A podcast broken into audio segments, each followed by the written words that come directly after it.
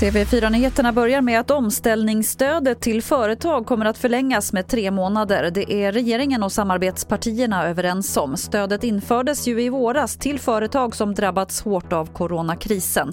Vi hör Mats Persson som är ekonomisk politisk talesperson för Liberalerna.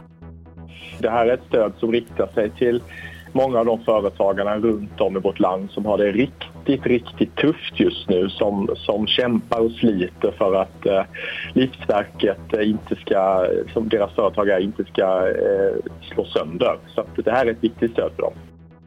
Och över 50 miljoner fall av covid-19 har nu bekräftats i världen enligt John Hopkins universitetets siffror.